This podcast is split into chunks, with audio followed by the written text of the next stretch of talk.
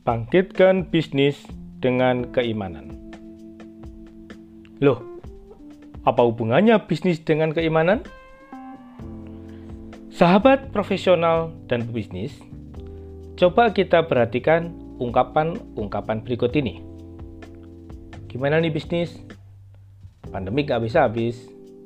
Kalau gini terus, bakal bangkrut nih bisnis. Atau ungkapan yang lain. Ya, udahlah. Gimana lagi ya? Ekonomi lagi nyungsep. Masih bisa untuk hidup sehari saja. Udah beruntung bisnis kita ini. Atau coba kita perhatikan ungkapan yang ketiga. Setiap musibah pasti ada hikmahnya. Setiap bencana pasti ada ada jalan keluar. Apakah perbedaan ungkapan pertama, kedua, dan ketiga? Apakah ini hanya faktor realistis dan kenaifan? Pernyataan pertama dan kedua dianggap sebagai pernyataan realistis, dan ungkapan ketiga dianggap sebagai ungkapan yang naif.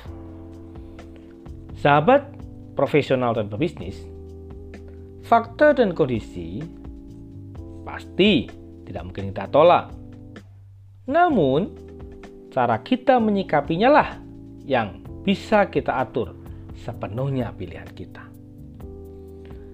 Apakah sahabat profesional dan bisnis pernah mendengar kisah Nur Hayati Subakat? Bos Wardah? Kalau kita mendengar kisahnya, pasti kita tahu bahwa beliau memulai bisnisnya dari skala rumahan yang pelan-pelan membesar namun saat pertumbuhan, justru bisnisnya hampir gulung tikar karena pabriknya yang terbakar habis tahun 1995. Namun apa yang membuatnya bangkit kembali dari sisa miliknya? Ada dua hal ternyata.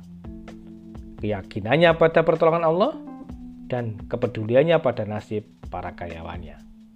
Jadi, bukan soal semata kekuatan bukan soal semata kepentingan, tetapi keyakinannya pada Tuhan dan kepeduliannya pada manusia. Pertanyaannya adalah, bagaimana faktor keimanan atau unsur spiritual ini bisa membangkitkan kembali bisnis yang sedang merosot?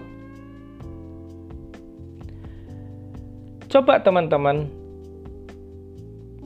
sahabat-sahabat pebisnis dan profesional, bisa juga membayangkan bahwa jika bisnis kita sedang mengalami masalah, masalah yang berat, sebagaimana di masa pandemi ini, lantas cara-cara manusiawi seolah-olah sudah mentok, common sense saja, tentu kita bakalan mencari cara yang bahkan di luar batas manusia. Nah, saat itulah kemampuan untuk mengakses kekuatan transendental akan menjadi jalan untuk memunculkan solusi yang bahkan tak terbayang sebelumnya. Dalam konteks yang berbeda, kisah Panglima Muhammad Al-Fatih, sang penakluk Konstantinopel pada tahun 1453 Masehi, yang awalnya hampir putus asa menghadapi kemampuan benteng Konstantinopel yang memanfaatkan kontur alam dalam membangun pertahanan. Tak lama kemudian, Syekh Samsudin, guru spiritual Al-Fatih menyadarkan, dan entah dari mana datangnya idenya. Tercetus, tercetuslah ide Muhammad Al-Fatih untuk menyeberangkan kapal-kapal pasukannya melewati Teluk Tanduk Emas atau Golden Horn untuk memasuki Selat Bosporus sebagai jalan penaklukan Konstantinopel.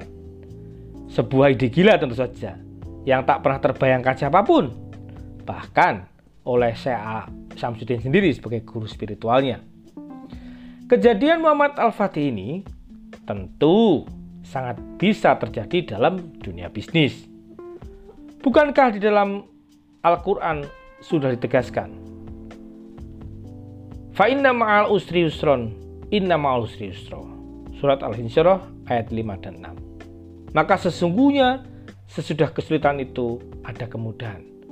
Dan sesungguhnya di balik kesulitan itu pasti ada kemudahan. Jadi, bukan semata karena keyakinan akan kemampuan ini.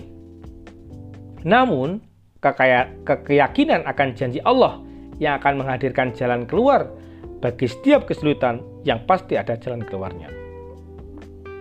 Dan bagi orang-orang bertakwa, jalan keluar itu sebagaimana rizki yang datang dari arah yang tak terduga-duga. Di dalam surat Tolak ayat 2 dan 3 disebutkan, Barang siapa yang bertakwa kepada Allah, niscaya Allah akan mengadakan baginya jalan keluar dan memberikan rizki dari arah yang tiada disangka-sangka.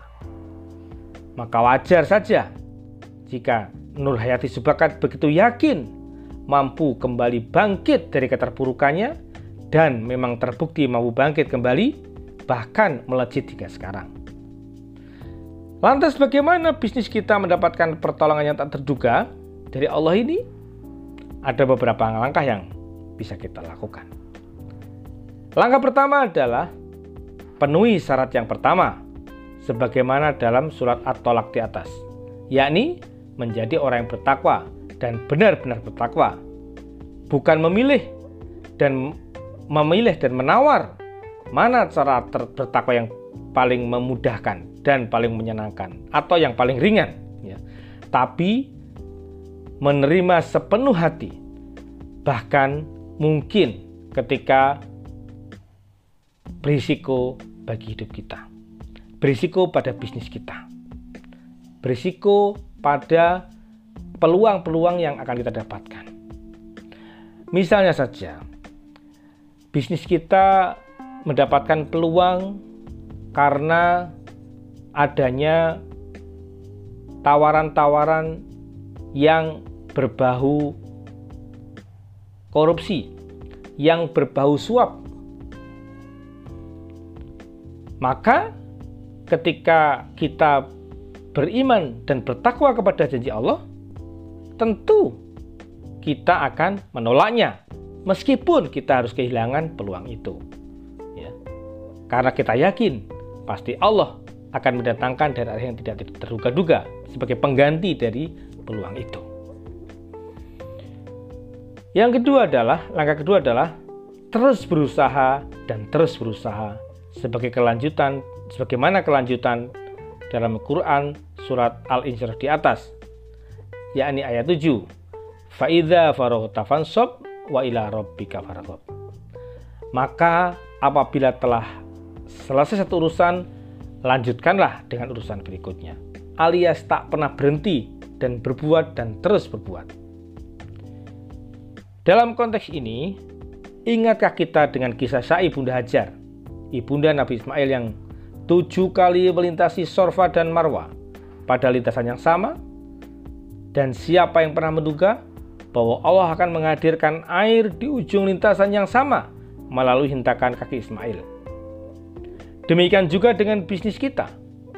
Boleh jadi Allah menghadirkan solusi pada langkah kita yang entah keberapa sebagai ujian atas kegigihan dan keistiqomahan kita. Langkah yang ketiga, yakni sungguh-sungguh menolong agama Allah. Menolong Tentu maknanya bukan menolong karena agama memerlukan pertolongan.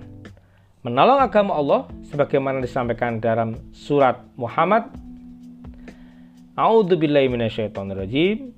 Ya ayyuhalladzina amanu in tansurullaha yansurkum wa yutsabbit aqdamakum. Ya ayyuhalladzina amanu, wahai orang yang beriman, in tansurullaha jika kalian menolong agama Allah yang surkum maka Allah akan menolong kalian. Wa yuthabbit aqdamakum dan meneguhkan kedudukan kalian. Mufassirin menjelaskan bahwa menolong agama Allah ini yakni dengan mempelajari dengan sungguh-sungguh, mengamalkan dengan sungguh-sungguh, dan mendakwahkan dengan sungguh-sungguh. Ketiga hal tersebut, jika dilaksanakan dengan kesungguhan seluruhnya, insya Allah merupakan upaya untuk menolong agama Allah dan Allah akan menolong kita serta meneguhkan kedudukan kita. Bagi pebisnis, jika bisnis yang dikerjakan diletakkan di tangannya yang satu, sementara tangan yang lain menjalankan kewajiban menyebarkan agama Allah, itulah hakikat hidup bagi seorang pebisnis yang beriman. Bukankah itu pula yang dilakukan oleh para sahabat Nabi? para pendakwah yang menyebarkan Islam di Nusantara ini, di mana aktivitas mereka adalah berdagang, dan pada saat yang sama mereka berdakwah. Dengan demikian, tidak ada pilihan lain sahabat bagi kita pebisnis yang beriman. Maka iman yang menjadi dasar bagi kita cukuplah untuk menjalankan ketiga langkah tadi untuk mendatangkan pertolongan Allah bagi bisnis dan kehidupan kita. Insya Allah.